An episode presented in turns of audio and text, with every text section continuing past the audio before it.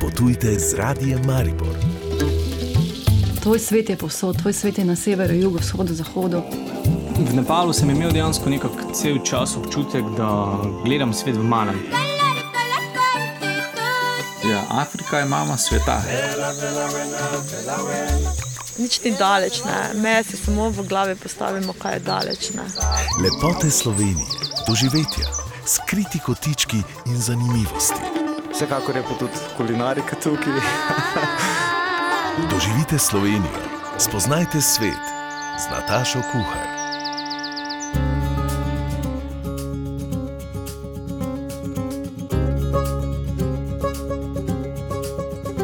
Pozdravljeni, čas je za nekaj turističnih utrinkov. Danes se bomo odpravili v občino Sveta Trojica z velikim turističnim potencialom. Predstavili bomo še novo pridobitev dvorca Rakičan pri Murski soboti, kjer so bogatejši za novo hibridno električno kočijo. V potopisnem delu oddaje pa bomo znova odkrivali Himalajo. Del tega indijskega gorovja je spoznavala naša sogovornica Barbara Popit in mu namenila tudi knjigo s poročilnim naslovom Poklon Himalaji. Vabli vabljeni k poslušanju.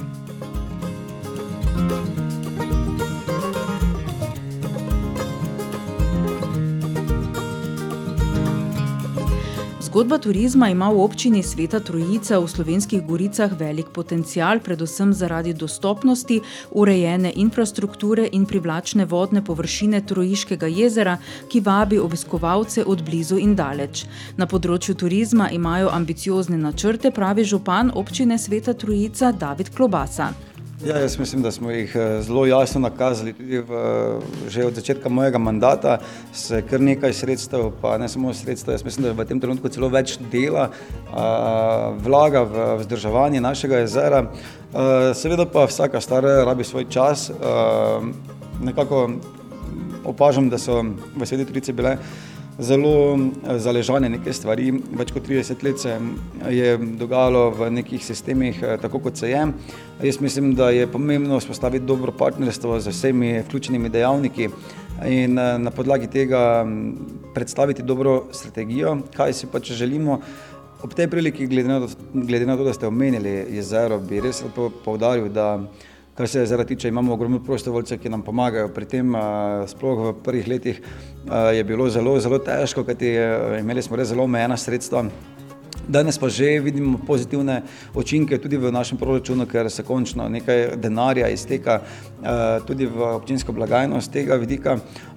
In tako kot sem omenil, takrat, ko smo začeli te neke proračunske postavke vstavljati v naš proračun, bomo ves denar, ki eh, se izteče v proračun, eh, ponovno vlagali nazaj v ureditev našega jezera. Poleg cerkve, trškega jedra, kulture in pa športa, jih, eh, na katerih gradimo v naši občini, je jezero zagotovo ena izmed teh bolj markantnih točk. Ta občina je ustanovila tudi svoj zavod za turizem. Ja, jaz naj omenim, da ideja Zavoda za turizem je v bistvu bila jasna že od, samega, od same kampanje v bistvu za, mojo, uh, za, za moj mandat. Mogoče me je v to smer potisnilo tudi dejstvo, da je bilo kar nekaj ljudi strah, da bomo se ukvarjali samo s turizmom. Eh, jaz še vedno mislim, da glede na to, da se konstantno pogovarjamo o slovenskih goricah kot eh, močnem eh, turističnem potencialu, nismo pa zato imeli niti ene agencije oziroma nekega zavoda ali česarkoli, ki bi se intenzivno in eh, fokusirano s tem ukvarjal, je ta stvar dejansko nemogoča. Društva kot taka delajo to prostovoljno, družbeno. Eh, koristno, ampak eh, ne more pa nobeno društvo delati toliko profesionalno, kot lahko to dela sam zavod, ki je izključno narejen za promocijo, spodbujanje in eh, razvoj turizma eh, naše regije. V tem trenutku je seveda naš Zavod za turizem Sveta Turica dejansko fokusiran v delo v naši občini, se pa že kažejo prvi pozitivni znaki in nekakšni predlogi sodelovanja tudi z ostalimi občinami slovenskih goric. Eh, kar je nekako želja in projekt eh, naše prihodnosti. Eh, predvsem se mi zdi pomembno, da za svojim delom vidim, da vplivamo tudi na sosednje občine, ki so mogoče prav zaradi tega, ker smo nekako, verjamem, da potisnili neke stare vzorce na eno, en drugi nivo tudi sami začeli z drugačnimi pristopi gledati širše in jaz mislim, da je to izrednega pomena za razvoj naše, našega potencijala turistične dejavnosti v Slovenskih goricah. Zavedajo se sicer, da so za dolgoročno smiselnost take poteze kljub potencialom znotraj občine premajhni, zato se ozirajo po širši soseščini slovenskih goric. Želijo spodbuditi razvoj drugačnih, sodobnemu času in iskalcem prilagojenih oblik turizma. Nalogo vršilke dožnosti tamkajšnjega zavoda za turizem že nekaj časa opravlja domačinka prej Mariborčanka Tanja Arih Korošec. Svojo poklicno pot je posvetila turizmu, tudi njegovim najzahtevnejšim najzahtevnejšim oblikam. Izkušnje ji pomagajo tudi v novem okolju. Verjame v neizkoriščene možnosti slovensko-goriškega prostora, ki potrebuje dobro organizacijo in zagnane promotorje. Tanja Arih Korošec se zaveda domala neponovljive priložnosti v kritičnem pokoronskem času, ki bo vrsto doslej uveljavljenih pravil igre tudi v tej panogi postavil na novo. Danes imam to priložnost, da ravno v tem domačem kraju razvijam turizem, razvijam turizem v smeri, kot si ga zamišljam. To je tako, kot je že naš župan ob začetku povdaril, da razvijamo eno butično urbano podeželje, da ustvarjamo, nadgrajujemo kvaliteto bivanja najprej za nas, občane, ki tukaj živimo in seveda tudi za vse domače in tuje turiste, ki nas že zdaj in nas bodo tudi v prihodnosti obiskali. Razvoj turizma se vsekakor vsekakor zamišljamo, oziroma vizija je ustvarjanje uh, doživeti, doživeti v naravi, doživeti povezanje z neokrjeno naravo, seveda pa so v zadju ljudje, ljudje smo turizem, ljudje smo tisti, ki stojimo za vsakim turističnim produktom, za vsako turistično ponudbo uh, in na tem si želimo graditi. Zdaj, kot je tudi župan omenil, več je segmentov, na katerih bomo gradili. Sigurno en primarni, markantni segment je romarski turizem, torej naša romarska Katoliška crkva, ki je že v preteklosti bila en izmed biserov, en izmed bolj obiskanih romarskih krajev v Sloveniji, to želimo povrniti, seveda v enem novi obliki, sodobni obliki eh, romarskih popotovanj v naše kraje. V nadaljevanju so pa seveda tudi kulturni turizem, imamo izvrstno vrhunsko, lepo obnovljeno samostansko klet, ki je del tudi eh, sakralnega objekta, v katerem že izvajamo poroke in določene botične dogodke. Tu si želimo nadgradnje, tu si želimo doživljajskih um, presenečen dogodkov tudi za tiste najzahtevnejše goste, obiskovalce v sklopu Trojica Festa, torej tega občinskega praznika, ki ga je tudi že predhodno župan omenil, se bo zvr zvrstilo kar nekaj tovrstnih dogodkov, med drugim Vinska galerija, Kibel Fleisch Fest in pa v nadaljevanju v naslednjem tednu tudi en poseben dogodek, eh, tudi v okviru enega partnerskega projekta iz evropskih sredstev, financiranega, to je vino in umetnost, kjer bomo izvedli doživljajsko vodeno degustacijo, kjer imamo partnerje vrhunska vina Gaube in pa Ditko, kantautorico, glasbenico, ki je oglasbila pesmi naših velikih pesnikov, kot so Ferry Lanšček in Tone Pavček. Tako da to so zdaj trenutno projekti, ki so v teku, ki se jih lahko gremo, kajti to koronsko obdobje nam je malo prekrižalo načrto z vsemi, um, bom rekla, načrtovanimi dogodki, razvoju turističnih produktov, si pa želimo v nadaljevanju ustvarjati dogodke v povezavi z naravo, tako tudi uh, načrtujemo, da bomo pripravili piknik na hrbnike, uh, kjer bo tak zbrana um, lokalne dobrote, trojiške, stoprocentno trojiško in pa tudi od ostalih občin, Slovenije, goriških občin, ki se vključujejo v našo ponudbo, kjer bo lahko obiskovalec uh, z nahrbnikom uh, šel po poti naših trojiških pohodniški poti ali pa tudi sosednjih občinah in užival ob lepotah in seveda kulinaričnih posebnostih naših krajev. Čez nekaj trenutkov se bomo preselili v dvorec Rakičan pri Murski soboti. Lepote Slovenije, okusna doživetja, zanimivi ljudje. Potujte drugače, potujte z radijem Maribor. V dvorcu Rakičan vlagajo veliko energije v razvoj sonaravnega turizma, z zadnjim čezmejnim projektom pa so bogatejši za novo hibridno električno kočijo. Z njo lahko po okolici ali daljši poti na mesto štirih popeljejo kar 14 ljudi. Z avstrijskimi partnerji snujejo nove tematske poti za vožnjo s kočijo. Več kot milijon evrov vreden triletni Interregov projekt bodo sklenili novembra. Iz Prekmurja Lidija Kosi. Del Slovenije in Avstrije zaznamujejo tako skupna zgodovina kot tradicija in običaji. Med njimi izstopajo konji in jahanje, pa tudi kočijaštvo, ki smo ga pri nas v zadnjih letih kar precej porinili v zadje. To skušajo zdaj popraviti tudi s čezmejnim projektom e-Carriage, pravi njegova projektna vodja Nastja Skušek. V okviru projekta bodo razvite tri, oziroma so že izdelane in razvite tri hibridne ekočije, ena na naši strani in pa dve na avstrijski strani. Kočijam je skupno to, da imajo elektromotorni pogon in baterijo, vse pa vse tri razlikujejo po videzu, po velikosti, po nekem zunanjem izgledu, tudi glede na to, za kakšen namen bodo uporabljene. A tudi e-kočija ne gre brez konjev, dodaja kočijaženja Aleša Bagari. Seveda, konji so še vedno potrebni, saj konji so tisti, ki na začetku kočijo potegnejo.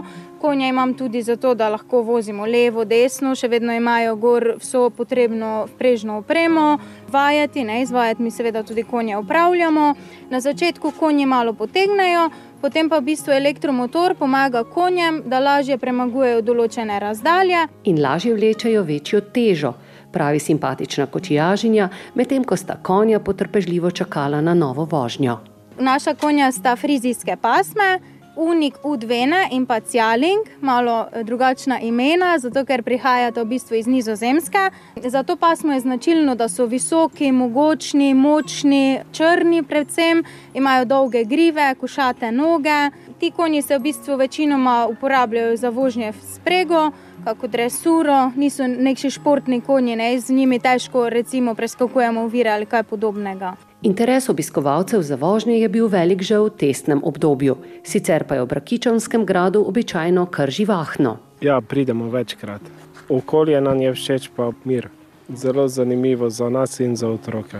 Privlači me predvsem narava, mir, to sobivanje z živalmi, predvsem za otroke dejavnost. Pa zdi se mi, da je v tem času ena taka oaza, enega takega ne čistega miru, ampak tistega druženja, ki si v naravi. In prav v sozvočju z naravo potekajo tudi vožnje s kočijo, povdarja projektna vodja Nastja Skušek in dodaja, da že snujejo čezmejne kočijaške poti.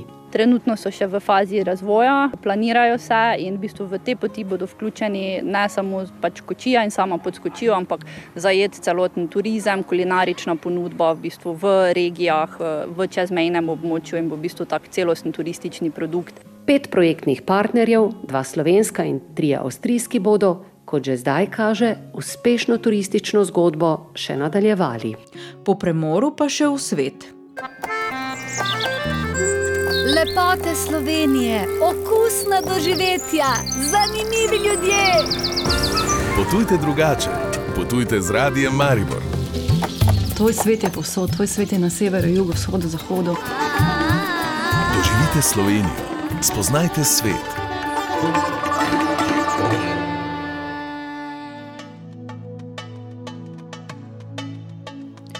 Spomladi smo v eni od turističnih oddaj odkrivali Himalajo. Del tega indijskega gorovja je namreč spoznavala naša sogovornica Barbara Popit in mu namenila tudi knjigo s poročilnim naslovom Poklon Himalaji. Himalaja se razteza čez pet držav: Pakistan, Indijo, Kitajsko, Butan in Nepal. Že odnegdaj vabi popotnike, alpiniste, pohodnike in mislece, ljudi, ki želijo stik z naravo in naravnim, morda celo nadnaravnim, opojnim in čudežnim. V svoj objem je privabila tudi našo sogovornico, ki se je tja odpravila z vrhunskim alpinistom, himalajcem, gorskim reševalcem in vodnikom Vikijem Grošljem. Ja, res je. Že ob sami besedi Himalaja se ti zdi, da te kar ponese nekam tja visoko, v gore, prej v nebo. In ko sem poslušala različne ljudi, ki so razlagali, da ko greš enkrat tja, da te to tako privlači, da greš ponovno, vse veste, človek ne verjame, dokler sam tega ne doživi. Je pa res, da so me gore ali pa me še vedno bolj privlačijo, čeprav nisem alpinistka, nisem tudi tista strastna planinka, ampak rada zahajam v gore in naravo nasploh. In moja želja je bila, da grem nekoč tudi v Himalajo, seveda z nekom, ki Himalajo dobro pozna. No, pravijo, da je Himalaja za alpiniste to, kar so za vrhunske športnike olimpijske igre.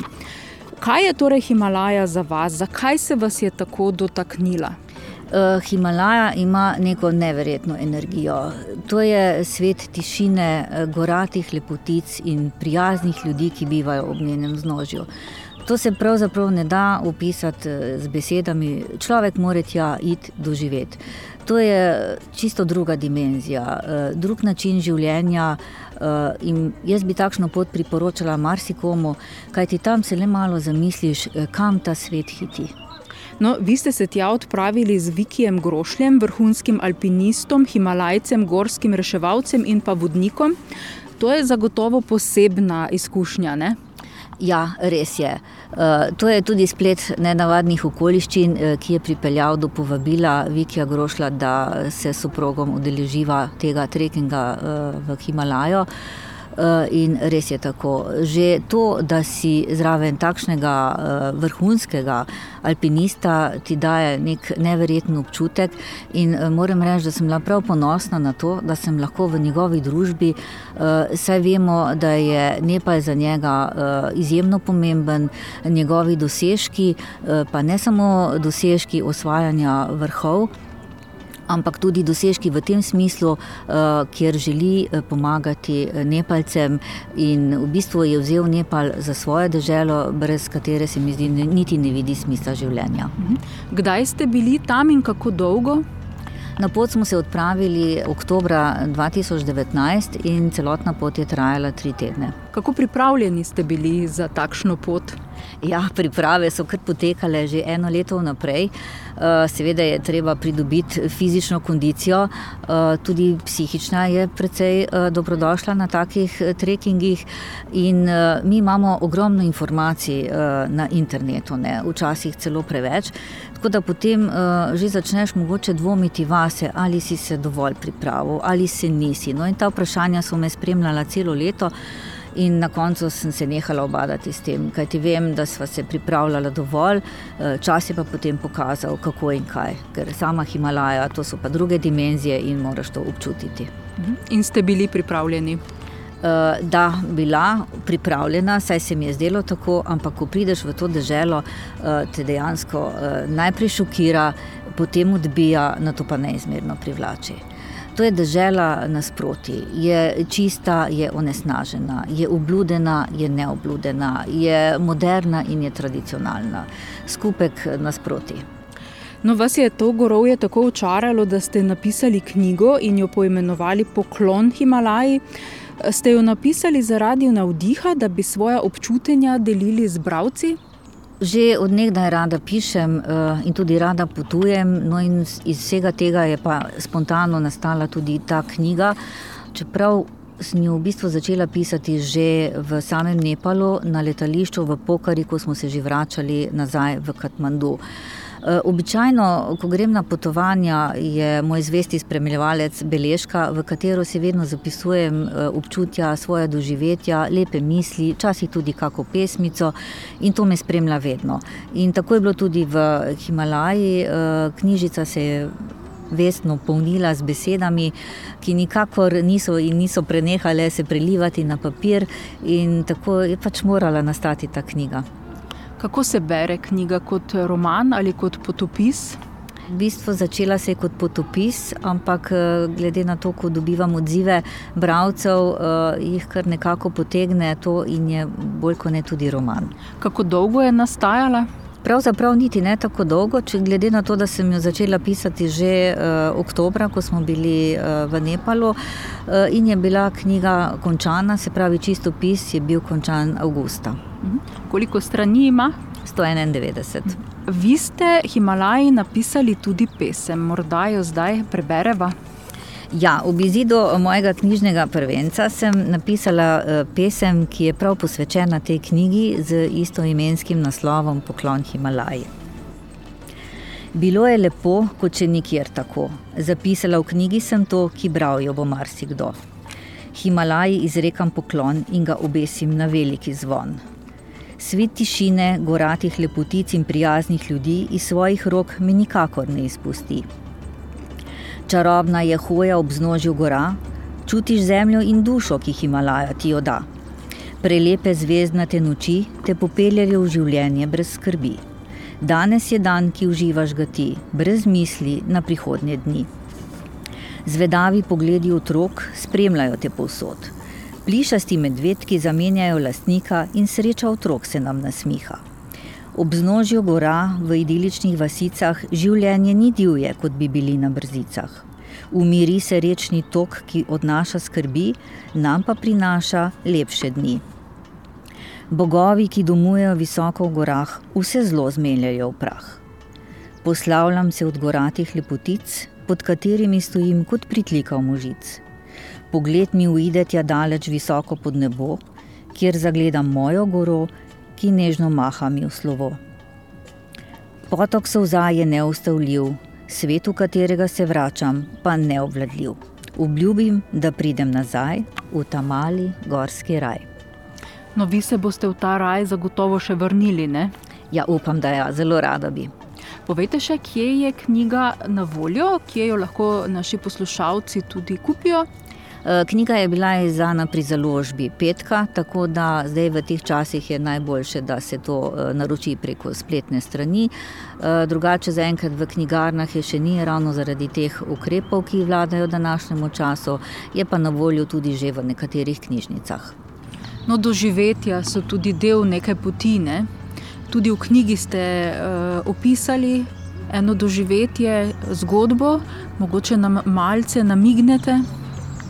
Ja, ko sem hodila ob znožju teh goratih lepotic in ko opazuješ te gore, takšnih in drugačnih oblik, in ko se ustaviš in poslušaš, poslušaš tišino, in se mi je zdelo, ne da je tišina, enostavno se mi je zdelo, da me gora kliče, da me kliče, da me vabi, da pridem, da splezam njen vrh in da vidim, kakšno je življenje z njene perspektive. In dejansko je to v knjigi res uh, opisano, zdaj kaj več ne bi povedala, da bo malce za bralce bolj in poslušalce zanimivo. Je pa res, da, kot sem rekla, gore te pritegnejo. S to mislijo se za danes poslavljamo ustvarjalci oddaje Lidija Kosi, Simon Šprajcer in Nataša Kuhar. Potujte z radijem Maribor.